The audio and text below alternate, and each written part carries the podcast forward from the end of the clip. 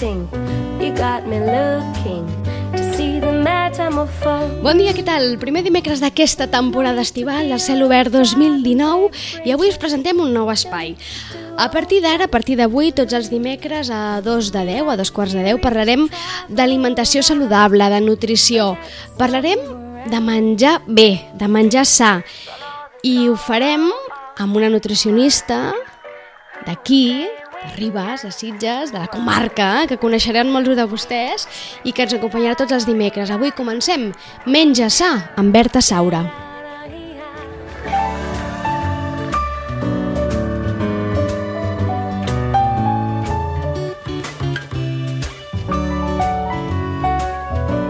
Berta Saura, bon dia, benvinguda. Bon dia. La Berta és nutricionista, especialitzada en menjar terapèutic, li agrada molt cuinar, li agraden els fogons, a més a més acaba d'arrencar un projecte molt xulo, molt interessant, que és un espai gastronòmic que es diu Art de Cook, oi Berta? Sí. Que tens la, està ubicat a Vilanova, Sí. però aquí fas moltíssimes coses. Explica'ns Sí. una mica què és això d'Art de Cook. Estic extesa entre Vilanova, Ribes i Sitges, de moment. El que fem és menjar saludable principalment per empreses i particulars i ho portem a domicili. És com si diguéssim un menú diari eh, de menjar sa, del que poguessis fer-te a casa, del que no tens temps de cuinar-te i per totes aquelles persones que es vulguin doncs, cuidar, per esportistes o per persones inclús que tenen intoleràncies o alguna patologia.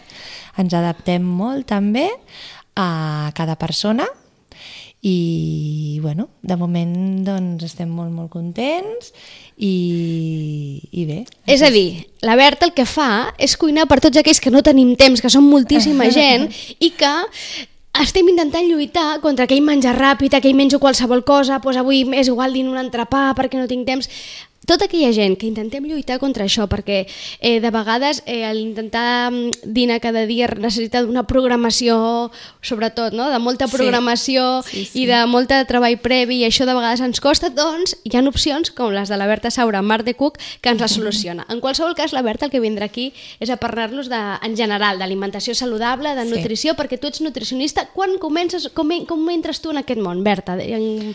Doncs la veritat que tota la vida m'ha agradat molt cuinar, però també tota la vida eh, m'he fixat molt en el que menjava. Tenia molta cons- consciència sobre el que el meu cos digeria o rebia. Aleshores jo des de, de, des de ben joveneta vaig escollir doncs, doncs, estudiar la carrera de nutrició, però mai m'he desvinculat dels fogons. Aleshores, després d'acabar nutrició, vaig començar a formar-me en cuina i sobretot cuina terapèutica.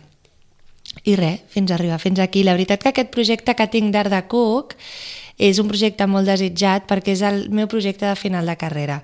Jo, amb totes les meves ganes, vaig volcar tots els meus coneixements de nutrició en aquest projecte. Aleshores, ara, després de 12 anys, doncs l'he pogut fer realitat i per mi és algo doncs, molt maco. Per tant, la Berta té aquell afegit que no només eh, sap de nutrició, ens podrà parlar de, de tots els nutrients, el que porten els aliments, a per què hem de menjar una cosa i no l'altra, o perquè si tenim mm, un, certa patologia millor ens interessa una cosa i, i no l'altra. No només això, sinó que a més a més sap de cuinar i per tant ens podrà donar una mica eines o dirigir una mica cap a quin tipus de menjar, de plats, d'àpats podem fer, perquè de vegades ja sabem que mm, quan es parlen de nutrició i d'aliments dius, bueno, està molt bé, però i ara què faig jo amb aquests aliments? Com, Com com m'ho menjo això, no? Si se surt una mica del dia a dia. Berta, comencem avui la secció i hem triat Sí. un tema que és, jo diria, que un dels temes estrelles a la nutrició, si més no avui en dia, que és el, el sucre. Sucre. el gran enemic. L'hem de Sí. veure així, Berta? Sí, sí, sí, sí. sí. És el gran jo enemic. li diria que és una droga permesa. Ostres. Així, ho diria d'aquesta manera. Sí, Una sí. droga permesa, Una eh? droga permesa. I molt permesa. Molt permesa i a més molt... Estem molt, molt habituats a menjar-la i la tenim molt interioritzada dins de la nostra cultura alimentària. I des de ben petits, a més I a des més. de ben petits. Que això probablement és el més preocupant. És el més preocupant. Sí, sí, que hem de fer una, una reforma educativa a nivell nutricional amb el tema del sucre. I per què dius que és una droga permesa? Per què és l'enemic? Doncs primerament perquè és un producte que és omnipresent, el tenim a tot arreu. no només en el sucre de taula, sinó en tots aquells aliments processats, en de la bolleria, en les salses, en embotits, o sigui, tots aquells aliments que han passat un procés químic o, trans, o de transformador del producte, com pugui ser un exemple d'un producte que tenim molt a, a l'abast cada dia, que pugui ser un embotit o pugui ser, per exemple, el pavo. D'acord. No? Concepte pavo, no? Que tothom diu que és saludable, no? Tothom diu que és tan saludable perquè, clar, perquè té molta proteïna i no té greixos. Perdona, no conté molt de sucres afegits, vale? perquè a més de tots aquells conservants, tots aquells colorants per donar-li aquell color rosat, doncs ens, a més a més de tot això aporta també molts sucres vale? i a més a més el fa doncs, un aliment que inconscientment acaba sent també molt addictiu perquè tot aquell sucre que tot aquest sucre és un gust que és molt addictiu a nivell de l'organisme. Que, que és un dels principals problemes del sucre, no? Que enganxa. Enganxa molt. I quina, què, què, què ens provoca el sucre al cos que fa que sigui tan dolent? És a dir, què, què fa dins el nostre cos, dins el nostre organisme, que, que el converteix en l'enemic? Doncs mira, el sucre ja de bon principi eh, nosaltres no el podem metabolitzar, és a dir, no el podem cre cremar o, o digerir d'acord? D'una manera normal, perquè ja tal i com el rebem, el rebem refinat. Refinat vol dir que ha passat uns processos químics de la indústria on se li ha tret la fibra, se li ha tret els minerals, se li ha tret les vitamines i els oligoelements. Aleshores, per això ja de bon principi el nostre, per, pel nostre cos és un xute químic que no accepta. D'acord. Aleshores, que aquest cos què fa? Primer, ens desmineralitza l'organisme. val? Per què? Perquè fa treballar molt els ronyons, el cervell i treu també tots els minerals i vitamines de la sang. Val? Aleshores, això provoca una desmineralització. Aleshores, quan diem, ostres, aquest, els nens doncs, necessiten prendre molt de calç. No, perdona, no. No han de menjar molt de calç. El que han d'evitar són els sucres. Begudes ensucrades, els cacaulats, el pa bimbo, que també en té, els cereals, etc, etc, etc. És a Tots dir, aquells esmorzars ara tenim- que donem a diari als nostres fills que pensem que són tan sants i que donen tanta energia. Clar, és que el que anava a dir, ara tenim un munt de pares i mares amb les mans al cap dient, mare meva, Sí. sí. estic enverinant els, el Sí, meu fill amb tant sí, de sí, sucre, sí. perquè és veritat Doncs és així. que moltes de les coses que, que donem a diari als nostres fills doncs, tenen molt de sucre. Em, Berta, em, clar, quan parlem de sucre avui en dia, com que és veritat que el món de l'alimentació saludable que s'està com estenent, no? I, eh, intueixo que em, benauradament, és a dir, d'una manera positiva, sí. és veritat que han sortit ara com moltes eh, alternatives que no sé fins a quin punt realment són alternatives o continuen sent sucre. I et poso, per exemple, la panela, eh, el sucre de coco, la mel, l'estèvia, totes Sí. aquestes coses, tot això són, eh, poden ser alternatives a aquest sucre refinat, que seria el sucre blanc que tots coneixem d'entrada? Mira, les millors alternatives a un sucre refinat de taula, que diguéssim el, el sucre blanc, vale? en primer lloc per mi serien les melasses, les melasses de cereals. Les melasses són com una mena de jarops, vale? Sí. que s'obtenen dels cereals. Vale? Es fa una fermentació d'aquest cereal vale? I, i ja només per aquesta fermentació nosaltres, el nostre cos, ja ho rep i ens ajuda a digerir millor aquests sucres naturals dels cereals. D'acord. Val? Després una altra cosa molt bona seria la mel, una mel de bona qualitat, sobretot. Vale? I com ho hem de mirar això? Com ho veiem? El, quan, és a dir, en què ens hem de fixar? Quan comprem la mel, què ens hem de posar? Què ens, en què ens hem de fixar en l'etiqueta per saber que aquella mel és de bona qualitat? Doncs, per exemple, un exemple d'una mel seria una mel ecològica. D'acord. d'acord? I, i bueno, que sigués, que, que sigués de, de, de proximitat i que sobretot no, no portés no, no, no hi hagués cap procés químic per a aquesta elaboració. D'acord. Quan parlaves de les melasses, estic, per exemple, ara em ve el cap del sirope d'àgave, és això o no és això? No, tindríem el, el, la melassa d'arròs, D'acord. la melassa d'ordi, vale? i la melassa de blat o de blat de moro. D'acord. Vale? Això serien les Però és melasses... tipus xarop, eh, em dius? Sí, és com, és, a com dir... un xarop. Sí, seria com una mel, potser una mica més fluida. D'acord. D'acord? D'acord. Aquest seria, aquesta seria una bona alternativa, vale? eh, perquè, com us he dit, afavoreixen la digestibilitat de- d'aquest producte en el nostre organisme i, a més, ens, en, en, en millora el seu valor nutritiu. D'acord, perquè explicaves això, no? que passa per un procés de fermentació i per tant no té tot Ajuda aquest- a tota aquesta digestió. D'acord, i altres alternatives com el sucre Sí. morè, com el sucre de coco, Mira. aquestes coses que ara veiem tant, hi arriba un moment que un dubte, eh? El millor sucre que podem prendre és el de, el de panela, la rapadura. Vale? El, la rapadura té un aspecte més com de sorra. Sí. En aquest tipus de sucre no s'hi han tret ni la fibra ni els minerals. D'acord. D'acord? Aleshores seria l'alternativa més saludable. El sucre de canya integral no us el recomano, o sigui, segueix sent el mateix. Aquell sucre típic del bar... El sucre morè, El que et sucre morè, no? tampoc, vale? Eh, si us hi fixeu, dir, el tots sucre aquells, morè... tots aquells que, que agafem el sucre morè pensant pel cafè, pensant que estem sent més respectuosos amb la nostra salut, sapigueu que no, que estem fent exactament el mateix exercici com si suposéssiu un sobre de sucre blanc. Primer mite enrere sí, ja, eh? Sí, sí, perquè veieu com hi ha aquella, aquesta cristal·lització Sí. del, del Sí. granet de sucre, Sí. doncs això ja ho hauríem de descartar. D'acord. Val? Una altra alternativa molt bona és l'estèvia. D'acord, No sé si sí. la coneixeu. Sí, ara se'n parla bastant també, no? I... Vale. És, una, és com la planta... És una planta, exacte. Sí, és com li diuen la planta dolça. Té infinitat de propietats beneficioses per l'organisme. De les més importants que jo destacaria avui seria els nivells de sucre que regula els nivells de sucre en sang, també regula la tensió arterial i al mateix temps, molt important això, és capaç de treure l'ansietat pel menjar. Val? Que ens la produeix precisament el sucre, el sucre, no? val? I això és molt interessant d'explicar. El tema de l'ansietat. L'ansietat què ens pel produ- sucre. Per què, ens la, per què ens el produeix el sucre, aquesta ansietat? Doncs, inicialment el que fem primer és, quan ingerim el sucre, d'acord? El nostre organisme produeix una, un augment dels nivells de sucre en sang. Sí. Vale? Ens puja a l'índex glucèmic, Sí. que li diem. Vale? Això provoca al nostre cos uns nivells d'eufòria, de, de, bueno, de subidon, d'energia... Sí, sí. Val? I de També això volta... es nota molt amb els nens, no? Que els hi dones un tros de xocolata i de sobte els agafa un, un xute d'energia que dius, escolta'm, què els hi ha passat a aquests nens que s'han reactivat, no? Doncs és, és l'efecte del sucre eh, Sí. en la sang no? i en el cos, no? És l'efecte que, li, que jo li dic de la muntanya russa. Vale? Es puja el sucre i de cop i volta, quan estan aquells nivells tan alts d'eufòria, torna a baixar. Vale? La gràfica de l'índex glucèmic baixa totalment. I això provoca estats doncs, d'ansietat, de tristesa, de cansanci, vale? i que dona la necessitat de tornar una altra vegada a prendre aquest sucre. És a dir, allò és quan estem a casa assentats al sofà i dius, ai, ara em prendria un trosset de xocolata. I t'aixeques i agafes sí. un tros de xocolata i el l'assaboreixes i dius, mmm, que bo.